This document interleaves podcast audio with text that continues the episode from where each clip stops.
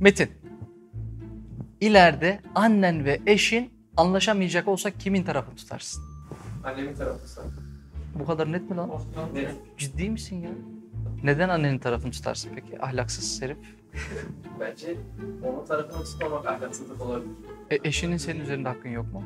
Evet var ama annem kadar olduğunu düşünüyorum. Neye göre düşünüp düşünmemeye bu noktada karar veriyorsun? Yani sonuçta 20 yaşında evlendiğimi varsayarsak 20 yaşıma kadar doğum. Peki ben sana şu soruyu sorsam anneni tercih ediyorsun, eşinin hakkını yiyorsun. Eşini tercih etsen annenin hakkını yiyeceksin. Ne yapacaksın? İşte düşünmedim demiştim abi. sen ne yaparsın Burak? Abi ikisine de aynı anda yönetiyor. Ben oğlum sen evlenmeyi düşünmüyordun. Soruyu öyle bir soruyor ki evlenmeyi düşünüyor musun? Sen ne yaparsın? Aralarında çözdürmeye çalışıyorum abi. Zaten çözebilecek olsalardı çözerlerdi. Böyle bir karar vermen gerekiyor artık. İş sınıra dayandı. Babanı. Baban ne yapacak oğlum? Tavuğunu çeksen istiyorum. Abi sen ne olsun istiyorsun? Sen ne düşünüyorsun? Bence şey abi. Ya o bence bakabilmeli, söylediğin her şeyi yapabilmeli ama bizim de onu yaptırmamamız gerekiyor. Allah Allah. Annen baban hasta olacak ve sen yaptırmayacaksın onu. Yaptırmamak değil de Ee, az önce öyle de yok. Şöyle annemin ayağını yıkayabilecek durumda olacak ama ben o durumda olduğu için yani o kabiliyet olduğu için ben zaten onu yaptırmam ben yaparım. Takipten yarın sanki böyle kılıp çıkacak mısın?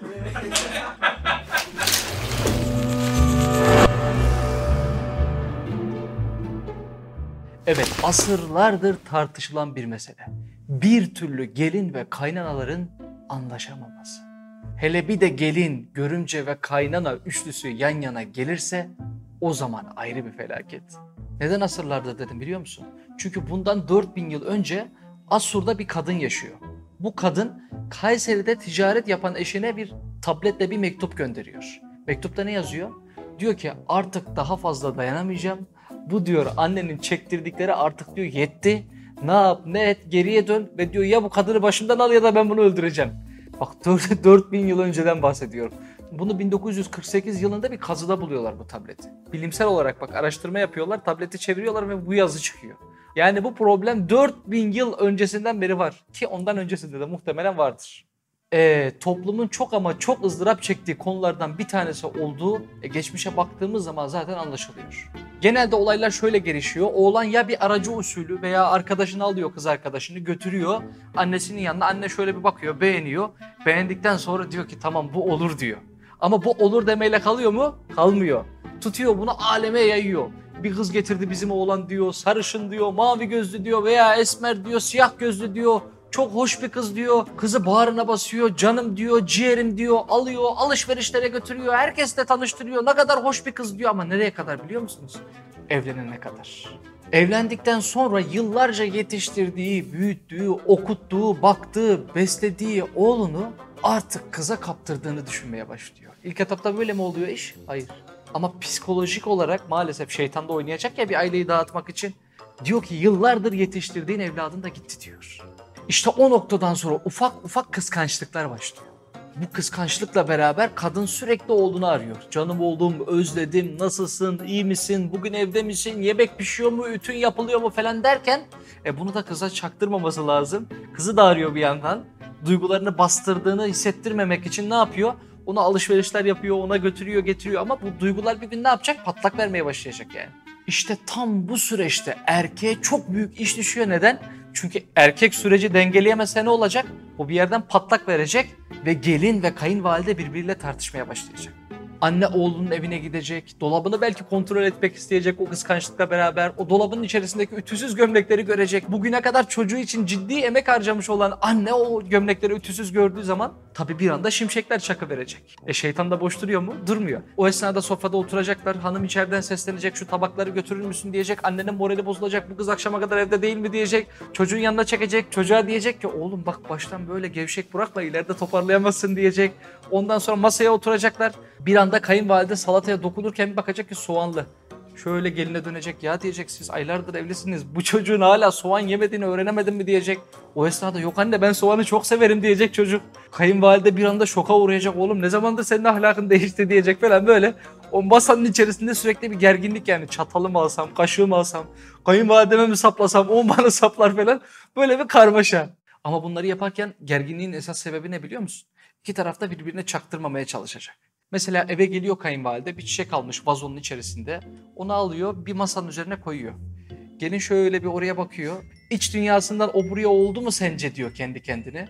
Onu alıyor ve tam balkona götürecekken kayınvalide şöyle bir kafayı çeviriyor. Çünkü o da şey istiyor yani hani benim getirdiğim orada gözüksün istiyor. Anlatabildim mi? Kayınvalide diyor ki o diyor masanın üstünde çok güzel durmuyor muydu diyor. Ya anneciğim güzel duruyordu ama sanki balkonda daha güzel durur. Kayınvalide yok yok diyor sen onu ver biz buraya bırakalım diyor. Ondan sonra gelin diyor ki yok anne diyor bu balkonda daha güzel olur falan derken ne birbirlerine hissettirebiliyorlar, çaktırabiliyorlar ne birbirlerine bir şey söyleyebiliyorlar ama bunlar aslında bir şeylerin altyapısı. Aslında evin içerisindeki bu gerginliğin sebebi ne biliyor musun Yaman? Evin içerisindeki insanlar hakiki manada bak taklidi manada demedim. Hakiki manada İslami terbiyeyi alamamışlar. Yani o kızı olarak bakmıyor, öbürü de annesi olarak bakmıyor. O gelinim diyor, o da kayınvalidem diyor. Halbuki kayınvalidem değil biliyor musun o? Kayınvalidem. Yani annemin yerine atanmış olan. Yani anne diyeceğim insan. Mesela sen kaymakam dersin değil mi? O kaymakam değil aslında. Kaim makam. Yani valinin yerinde oturan, valinin yerine atanmış olan. Osmanlı'da kaim valide derlermiş. İşte bu İslami terbiye kaim validelerini anneleri yerine gelinim dediği kızı da kızı yerine koyacaktır. Aslında bu kaim valide ile gelin arasındaki sorunlara baktığımız zaman ikisi de neyi istiyor? Kaim valide oğlunun mutluluğunu istiyor, gelin de eşinin mutluluğunu istiyor. Ortak paydada ne var? İkisi de aynı kişinin mutluluğunu istiyor ama ikisi de hem kendini mutsuz ediyor hem de mutluluğunu istediği kişiyi mutsuz ediyor. Farkında olmadan. Kayınvalide ne diyor? Ben büyüttüm, ben besledim, ben baktım diyor ya. Bu çocuk mutlu olmalı diyor yani. Bugünlere kolay getirmedim diyor. Saçımı süpürge ettim diyor. Gelin ne diyor? Ya diyor ben diyor bununla sadece dünyada görüşmeyeceğim ki ahirette de görüşeceğim diyor yani. Bizim yolculuğumuz 3-5 aylık, 3-5 yıllık bir yolculuk değil diyor yani. Aynı evdeyiz bütün pisliğini teşbihte hata olmasın. Ben çekiyorum bu adamın diyor yani. O da benim derdimi çekiyor diyor. E kimse olmadığı zaman biz birbirimize yeteriz diyor. Onu benim mutlu etmem lazım diyor yani. Ortaya bu sefer çok ciddi bir mutsuzluk çıkıveriyor. Şimdi bununla ilgili çok güzel bir hikaye var. Vaktiyle iki genç evleniyor ama kayınvalidesiyle aynı evde kalmak zorunda kalıyorlar. Ama kayınvalide her şeye mi karışır arkadaş? Her şeye karışıyor ve sürekli zulmediyor. Ve aradan bir ay geçtikten sonra kızcağız öksüz kimsesi de yok. Ağlaya ağlaya amcasının yanına geliyor. Diyor ki amca sen bu kadar böyle bitkilerle uğraşıyorsun. İyisi mi diyor sen bana bir zehir yap. Ne oldu kızım diyor ya ne zehri ne zehrinden bahsediyorsun. Ya diyor bu kayınvalidemin bana yaptığı zulüm yetti artık diyor. Ve anlatıyor durumu. Emin misin diyor. Eminim diyor. Bir zehir yapıyorlar ama diyor bu zehrin diyor senden olduğu anlaşılmaması için biz diyor bunu bir sürece yayalım ve diyor sen bu süreç içerisinde kayınvalidene iyi davran. Yani yemeğini yap, bulaşığını yıka, bırak o geç kalksın sen erken kalk, evin işlerini hallet ki e, vefat ettiği zaman senden bilinmesin diyor. Geliyor eve ve bir iki gün geçiyor aradan hemen sormaya başlıyor. Anneciğim diyor bugün sana ne pişireyim diyor, ne yersin diyor. Sabah oluyor kahvaltıda ne hazırlayayım diyor. Tam bulaşığa geçecek kayınvalidesi annem olur mu diyor. Canım annem diyor ben yıkarım diyor falan. Meyve tabakları, çerez tabakları falan. Gel diyor bugün beraber karşılıklı oturalım biraz muhabbet edelim falan diyor. Derken bu sefer kayınvalidesi ona cevap vermeye başlıyor. Olur mu diyor bugün sen erken yat diyor. Bulaşığı diyor ben yıkarım senin yerinde zaten çok yoruluyorsun diyor. 10-15 gün sonra her şey normale dönmeye başlıyor. Bu sefer kız içinde vicdan azabı çektiği için amcasının yanına gidiyor. Diyor ki amca ya diyor bu kadına bir haller oldu. Bu kadın değişti. Bu kadın kendi öz kızından bana daha çok muhabbet beslemeye başladı. Canım diyor, bir tanem diyor, hayatım diyor. O kadar güzel cümleler kullanıyor ki ben vicdan azabı çekiyorum. İyisi mi diyor sen bana bir panzehir yap da ben diyor panzehiri vereyim zehrin etkisi geçsin diyor. Amcası diyor ki evladım ben sana zehir değil iştah açan bir şurup vermiştim. Zehir diyor senin kalbindeydi, içindeydi ve maalesef sen onu dışarıya dilinle atıyordun. E kayınvalidene bakınca da karşında bir düşman varmış gibi görüyordu. İşte sen o bakış açını değiştirince ve sen içinden o zehri atınca her şey bir anda düzeliverdi. Aslında burada gelinimiz ne yaptı? Fıtratı yerine getirdi. Yani kötülüğe karşı iyilikle mukabele etti. E boşuna dememiş Alvar İmam. Aşık der incitenden, incinme incitenden, kemalden noksan imiş, incinen incitenden. Ne kadar güzel bir şuur değil mi? Zaten insan bu şuurda olsa evinde böyle bir problem kalmaz ki yani. Ama bir mümin bu şuuru yakalama adına zaten evliliğini devam ettirmeli. Bir de gelin dediğin bu tabii benim şahsi fikrim ama hafiften böyle kayınvalidesini arada övecek yani. Mesela onun yemekle ilgili en profesyonel olduğu alan neyse mesela diyelim ki patlıcan kebabını çok iyi yapıyor. Gidecek diyecek annem ben patlıcan kebabı yapıyorum ama senin yaptığın kadar güzel olmuyor. Hele şunu bir tarifini ver diyecek. Bak o zaman böyle hafiften yağlar nasıl eriyor. Hele üstüne şöyle bir de umumda benim annem güzeldir. Benim annem canım annem. Benim annem güzel yemek yapar. Benim annem güzel temizlik yapar. Benim annem bakımlıdır gibi cümleleri kurdunuz mu? Abo tadından yenmez işte o zaman. Aradaki bütün yağlar bir anda eriyiverir. Değil mi? İnsan buna muhtaç değil mi?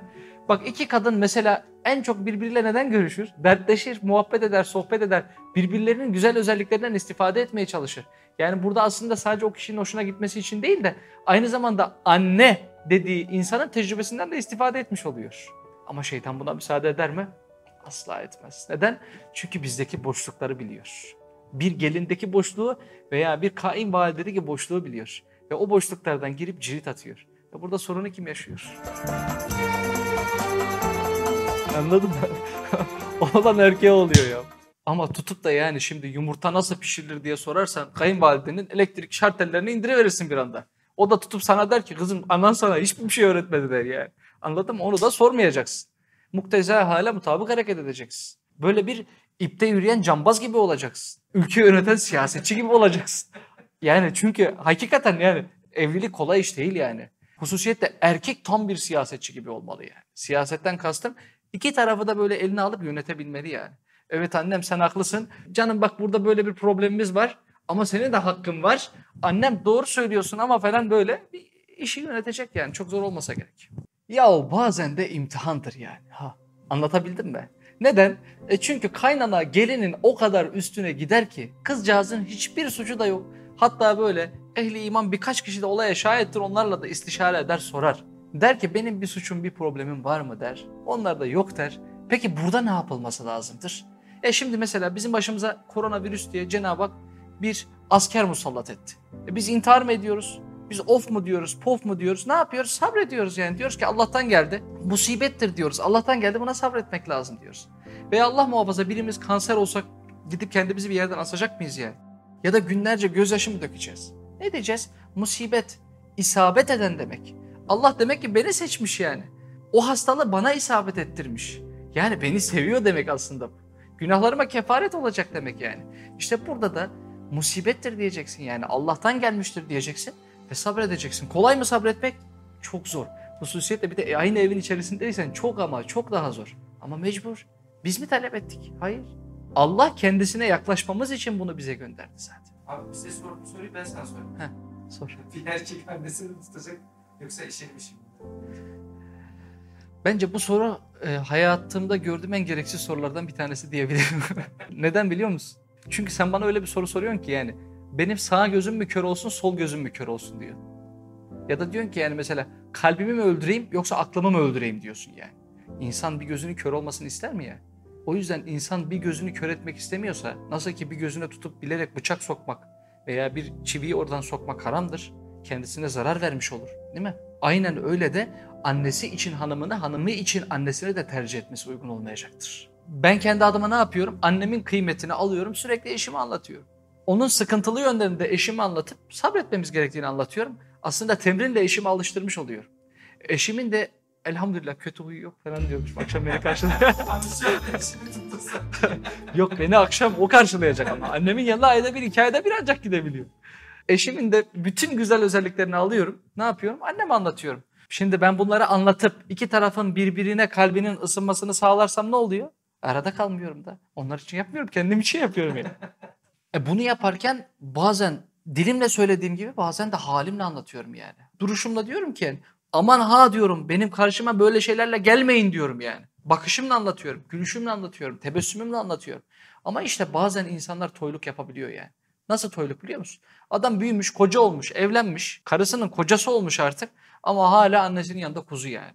Götürüyor annesinde ne varsa hanımına anlatıyor, hanımında ne varsa annesine anlatıyor. Ya bu da büyük bir bela oluyor, büyük bir musibet oluyor kişi için. İşte bu çıkılmaz hale hem kendi davet ediyor hem de bir tercih yapıyor yani. Orada aslında bir tercih yapılacaksa o tercih haktan yana olmalı yani. Yani burada hak ne annesiyle anlaşamıyor diye kadını boşamaktır ne de kadın annesiyle anlaşamıyor. Yani kayınvalidesiyle anlaşamıyor diye kişi annesinden vazgeçebilir. İkisini de yapamaz. Ya Bunlar adalet değil çünkü. Bir kere Allah'ın en sevmediği helaldir yani boşanmak. Helaldir ama en sevmediği helaldir yani. Ya bu kısımlar tamam ama mesela çok yine temel bir sorun var bence. Yani burada eşler kaynanaya hizmet etmek zorunda mı? Güzel soru değil mi? Sağlam söyle. Hı? Ortalığı karıştırır. Şimdi diyorsun ki mesela kayınvalide rahatsız, kayınbaba rahatsız. Aynı evde yaşıyorlar ve Veya durumları yok yani. Aynı evde yaşamak zorundalar. veya aynı evde yaşamak zorundalar veya rahatsız olduğu için bakmak zorunda mı? Mesela kayınvalide diyor ki ayağımı yıka, yatağımı topla, bana abdest aldır, bana duş aldır, bana bak senin benim üzerimde böyle bir hakkın var, bakmak zorundasın falan. Böyle bir şey yok. Yani gelin bakmak zorunda değil yani. Gelin için bu bir farz değil. Bakmak zorunluluğu yok. Aması var ama bakarsa belki onlarca, yüzlerce, binlerce nafile ibadetten daha çok sevap kazanabilir. E biz de ahiretin ticaret erbaplarıyız. Burada ekiyoruz. Burada ektiğimiz için bakmak lazım geliyor ki mesela gelin bakmadı. O esnada kayınvalide de dedi ki e sen de ileride kayınvalide olacaksın dedi. E Allah o zaman sana da derse melekler de o esnada bunu not alırsa gün geldiği zaman da o notu çıkartıp bak sen de kayınvaliden de böyle yapmıştın derse sen o riske girer misin? Ben asla girmem o riske. Yani demem o ki huzur ne zaman gelir beni bulur diye düşünüyorsanız başındaki problemler hakkında şikayet etmeyi bırakıp hem başında olmayan problemler için hem de olan problemler için şükrettin de diyebilirim. Yani şükür ne yapıyor? Nimeti ziyadeleştiriyor. Şükür aynı zamanda evliliğin bereketidir. Allah'a emanet olun.